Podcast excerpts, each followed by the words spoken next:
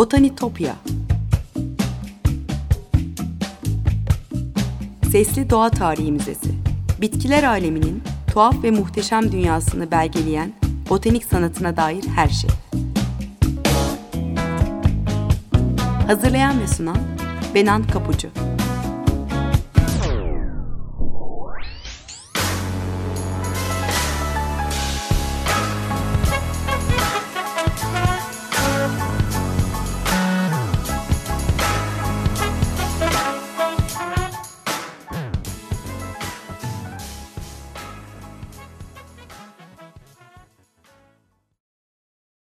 Merhaba sevgili Açık Radyo dinleyicileri.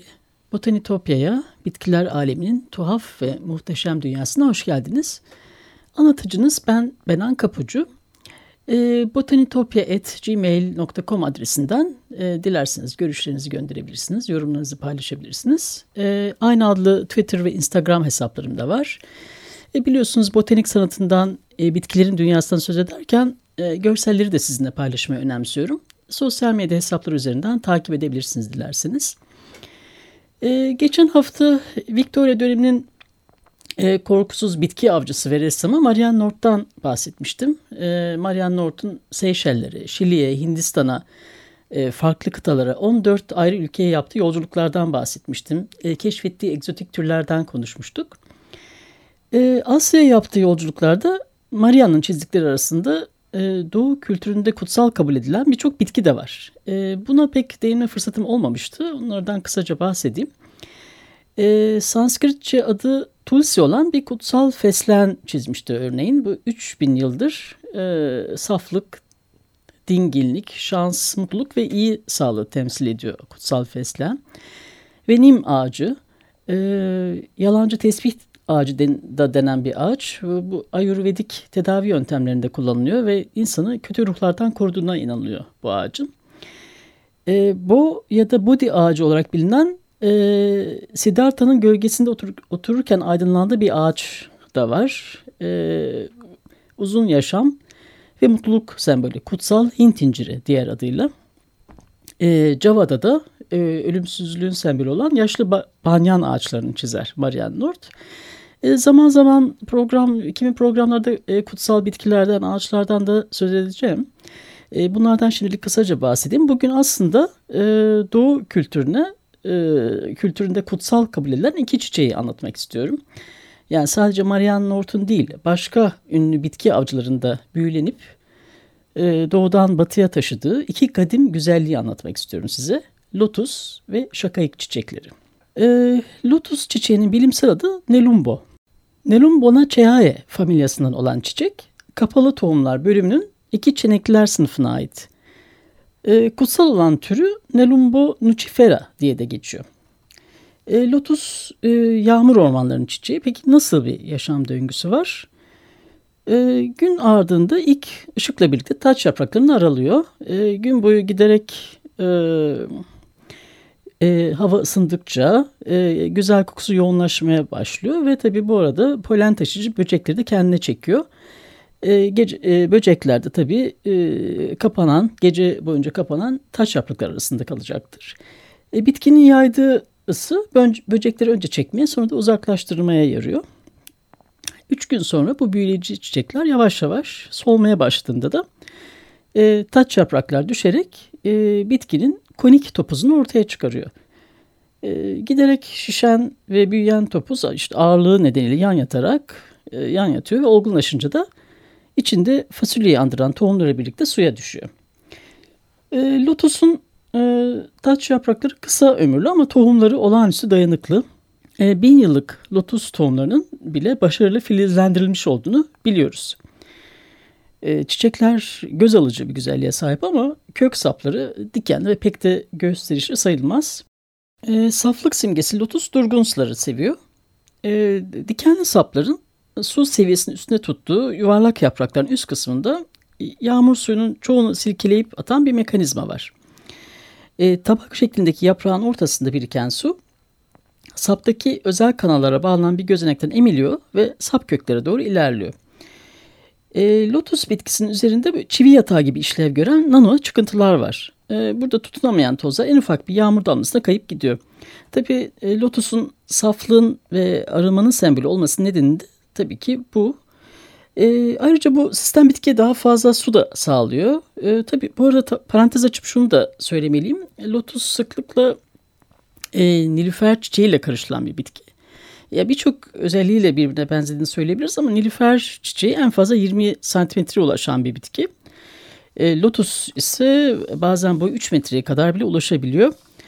E, nilüfer Nymphaea familyasına ait bir su bitkisi. E, dolayısıyla aralarında öyle bir fark var. E, ama kimi türlerde mesela mavi lotus aslında nilüferin bir türü. Yani zaman zaman böyle benzerlikler de var adlandırmalarda. E, lotus yağmurların da yardımıyla çok hızlı büyüyen, e, sığlıkları, nehir ve göl bataklıklarını çabucak kaplayarak büyük koloniler, koloniler oluşturabilen bir bitki. E, lotusun çoğalması bin yıl boyunca tabii devam etmiş. Bugün İran'dan Japonya'ya, işte Keşmir'den Tibet'e, Yeni Gine'ye ve Kuzeydoğu Avustralya'ya her yere yayılmış durumda. Ee, aslında lotus çok daha büyük ve eski bir popülasyonun kalıntısıymış. Ee, jeolojik zaman kronolojisine baktığımızda Kretase devrinde yani dinozorların yok olduğu, sürüngenlerin çoğunun ortadan kalktığı bir devirde e, egemenliğini ilan etmiş lotus ve çok geniş alanlara yayılmış. Ama daha sonra yani çok daha soğuk ve kuru olan devirlerde giderek seyrelmiş. Aslında e, lotus türünün yeniden canlanmasını sağlayan da biraz da insanlar olduğunu, onların insanların yoğun sevgisi ve ilgisi olduğunu da söyleyebiliriz bu noktada. E, gerçekten Doğu kültüründe çok güçlü bir sembol lotus. E, Sanskritçe metinlerden de anlaşıldığı üzere Asya'da yani özellikle Budistler ve Hindular için saflık ve aydınlatmayı, aydınlanmayı sembolize eden bir çiçek. E, suçtan kurtulduğumuzu hayal edebildiğimiz zaman lotus gibi çiçek açarız yaz şafağında. Yani mesela böyle diyor Suzuki. E, 1957'de yazdığı bir şiirde. Suzuki Japon Budist, bilgin ve yazar. E, Grekçe'de de lotos olarak anılıyor bu çiçek. Yetiştiği her ülkede tabii kadim kültürler ve dinlerde yeniden doğuşu anlatmak için kuşaktan kuşa aktarılmış. Ee, tabii kurumuş su birikintilerinde yağmurlardan sonra birdenbire belir, belirli veriyor olması da ona mistik bir göz, görünüm kazandırıyor. Tabii bu kadar e, etkileyici olması nedenlerinde bu, bu olsa gerektiği düşünüyorum. E, Helen ve William Binnem'in yazdığı Dünyamızı Biçimlendiren Olağanüstü Bitkiler kitabında e, lotus çiçeğinin e, Mezopotamya kültür tarihindeki yerinin de çok çok eskilere uzandığını yazıyor. Uruk şehrinin e, bereket tanrıçası İnanna kültünde çok önemli bir simge lotus. Bu dönemde lotus biçimli mücevherler yapılır ve mühürler kullanılır, kullanılırmış. E, lotus başlı saltanat asası da burada egemenliği simgeliyor. E, bu saltanat asası Pers kralı 3. Darius'un Büyük İskender'e yenilmesine dek e, bölgedeki tüm hükümdarlar tarafından da kullanılmış. E, tabii Perslerin etkisiyle daha sonra Nil sularındaki mavi ve beyaz su nilüferlerine e, Lotus da katılmış. E, ve tabii Isis terörlerinde de nilüferlerin yerini almış Lotus. Nymphaea ve mavi lotus da denen Nymphaea cerulea gibi nilüfer türlerine sonraları Perslerden alınan pembe lotus yani Nelumbo nucifera da eklenmiş. E, ayrıca lotus e, ölümsüz yaşam için diriliş tanrısı Osiris kültüyle de yakından ilgili. E, Ölüler kitabında Horus'un dört oğlu bir lotus üzerinde oturur şekilde gösteriliyor. Ve tabi e, dönüşümüne bahsederken lotusa dönüşmekten söz ediliyor. E, Tanrıça Hathor da e, mavi lotus çiçekleriyle süslüdür. E, yani inek kulaklı ve mavi lotus çiçekleriyle süslü bir güzel bir kadın olarak betimleniyor. E, Antik Mısır mimarisinde, duvar resimlerinde, terakotta ve metal tören eşyalarında da tabi stilize figürlerle e, karşımıza çıkan bir çiçek lotus. E, Mısır sanatında yukarı Mısır'ı lotus, e, aşağı Mısır ise papyrus yaprakları temsil ediyor ve her iki toprağın birlikteliğini göstermek için de birlikte çiziliyor. E, gençliğin ve parfümlerin tanrısı Nefertem de başı üzerinde mavi lotus yani nilüfer taşıyan bir tanrı. Lotus'un Hindistan alt kıtasının inanç sistemlerinde de önemli bir yeri var. E, Hindu mitolojisinin temelini oluşturan kutsal Veda metinlerinde yazdığı gibi Vishnu ve Lakshmi yaratılış öyküsünün de bir parçası. Bu e, yaratılış öyküsüne göre e, dev bir yılanın üstünde ve sonsuz bir boşlukta yüzen Vishnu'nun göbeğinden bir lotus filizi yeşerir. Ve daha sonra açılan çiçekten Brahma çıkarak evreni inşa etmeye başlar. E, verimlilik ve servet tanrıçısı olan Nakshmi elinde tuttuğu ya da Brahma gibi üstünde oturduğu bir lotusla doğar. E, kalbin lotusu diye bir söz var. O sözde kişinin içindeki evreni anlamak için yaptığı tinsel hayat yolculuğunu anlatır. Ve Lotus'un da o yolun koruyucusu olduğunu anlatır. E, Lotus nasıl dünyayı evrenin yıkıcı girdabının üstünde e, taşıyorsa Buda'yı da tüm kötülüklerden, kirlilikten uzak tutarak üzerinde taşır bu inanca göre. E, Budizm ve onun farklı öğretileri Hindistan'dan Çin'e ve Kore'ye, işte Japonya'ya, Tibet ve Sri Lanka'ya yayılırken yerel kültürlerde uyum sağlayarak kültürün yeni eklentileri farklılaşmıştı ama lotus simgesi değişmeden e, bu öğretinin merkezinde olmaya devam etmiş. İnsanın nirvana'ya ulaşma yolculuğunda simgesel bir anlam üstlendiği için el üstünde tutularak her yerde çoğaltılmış.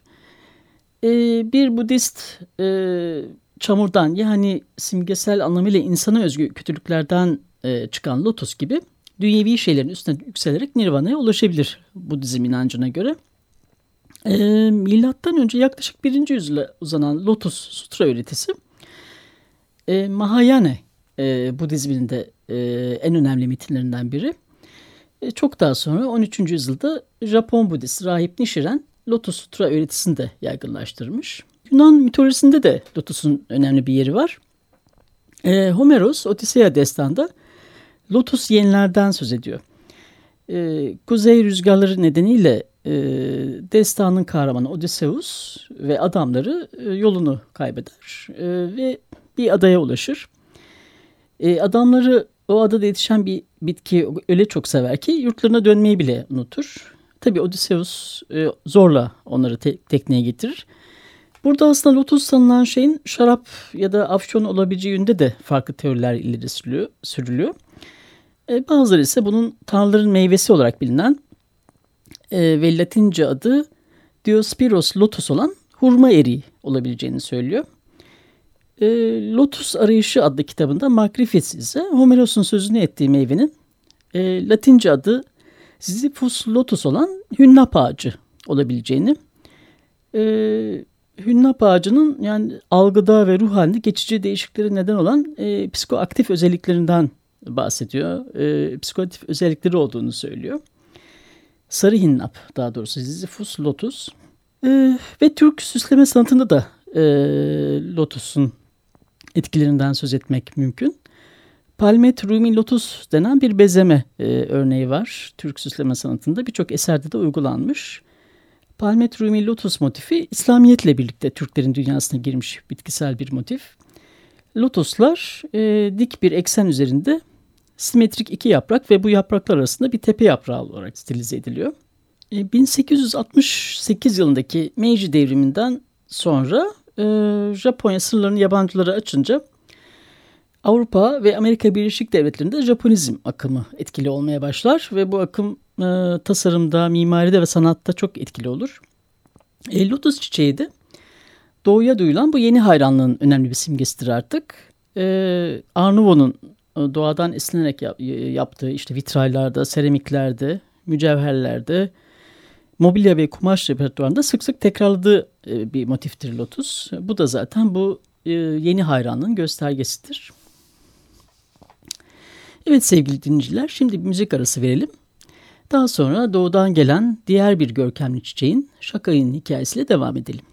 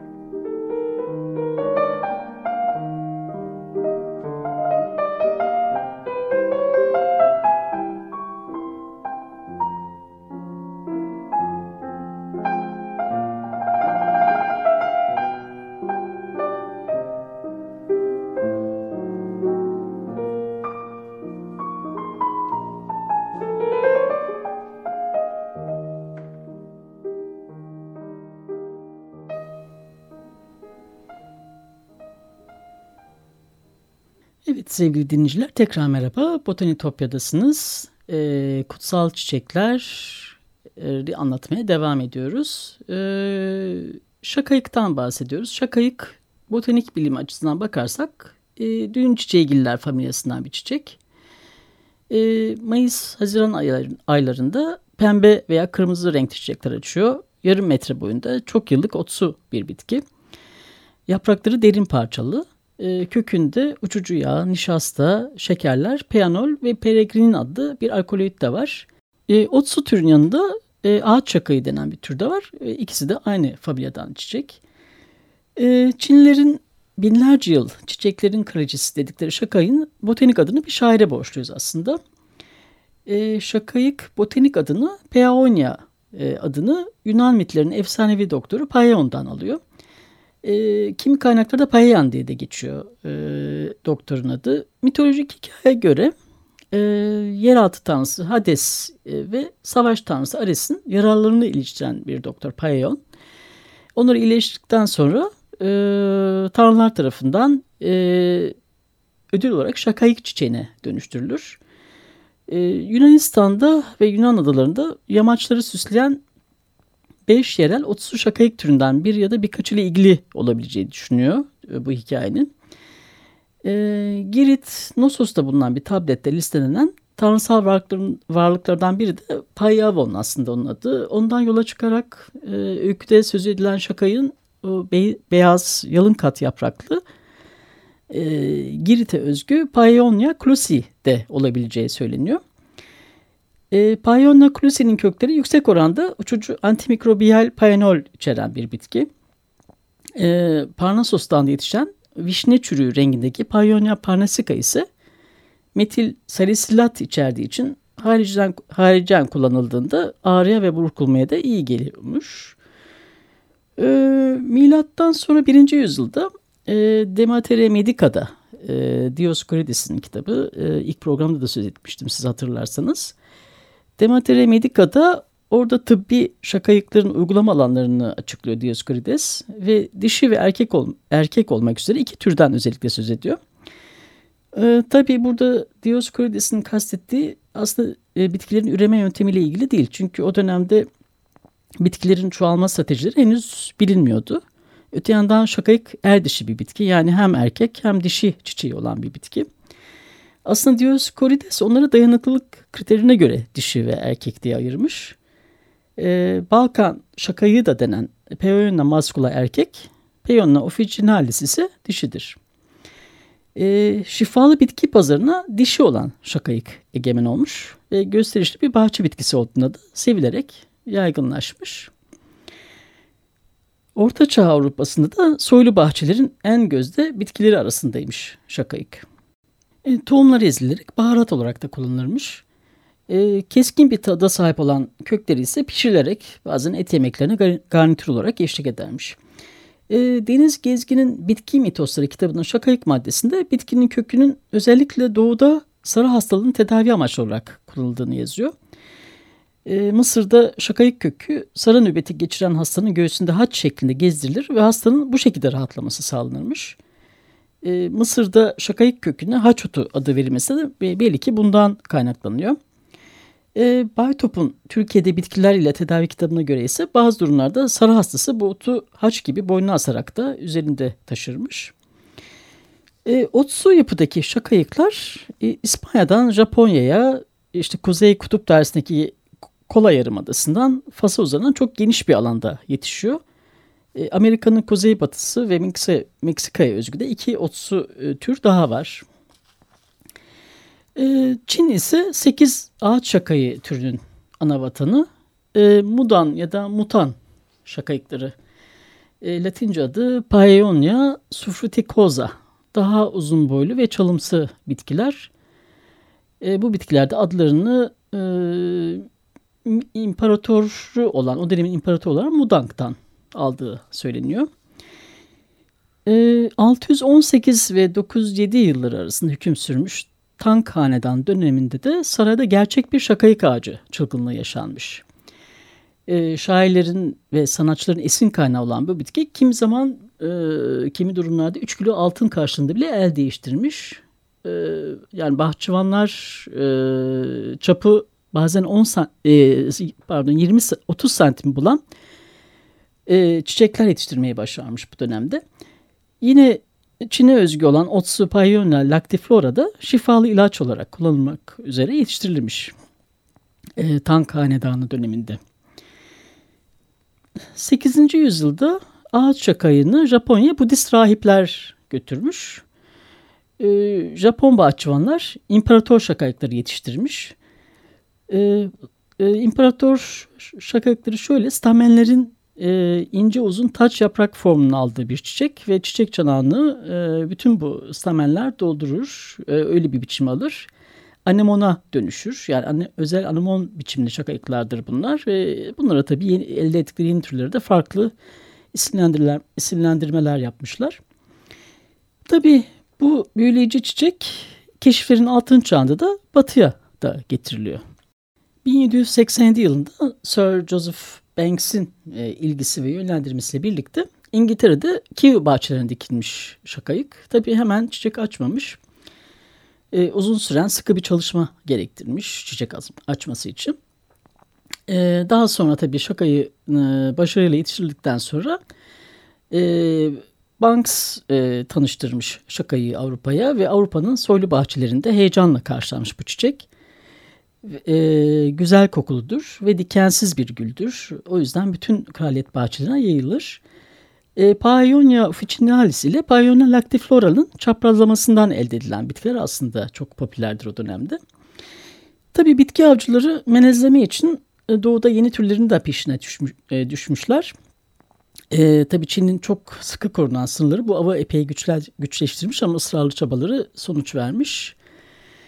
E, Japon bitki bilimci Toishi Ito'nun e, çift sıra yapraklı sarı bir ağaç şakayı üretme çabaları da uzun uğraşlardan sonra başarılı olmuş ama ne yazık ki yetiştirdiği bitkinin 1963 yılında çiçek açışını görememiş. Ama tabii bu göz alıcı şakayın yeni variyetelerini üretmende yolunu kendisinden sonra gelenlere de göstermiş olur. Birazdan size Payona Davruka'nın da sulu boya resmini paylaşacağım Twitter ve Instagram sayfalarından. Bu Ossu şakayı Hırvatistan, Türkiye ve İran hattından e, ayrıca Kafkas dağlarında da yetişiyor. E, geçmişte Dioscorides'in şifalı bitkiler külliyatında erkek diye nitelendirdiği Payonia mascula ile de akraba olduğu sanılırken günümüzde ikisinde farklı türler olduğu biliniyor.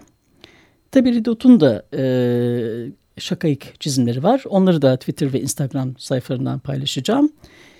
E, şimdilik e, Botanik Topya'daki keşif yolculuğumuz buraya kadar. Sevgili dinleyiciler, Botanitopya Twitter ve Instagram hesaplarından takipte kalabilirsiniz. Bir daha görüşünceye dek sevgiyle ve doğayla kalın.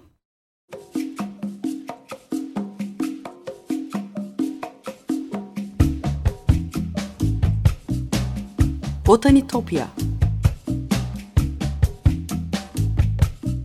Sesli Doğa Tarihi Müzesi Bitkiler aleminin tuhaf ve muhteşem dünyasını belgeleyen botanik sanatına dair her şey.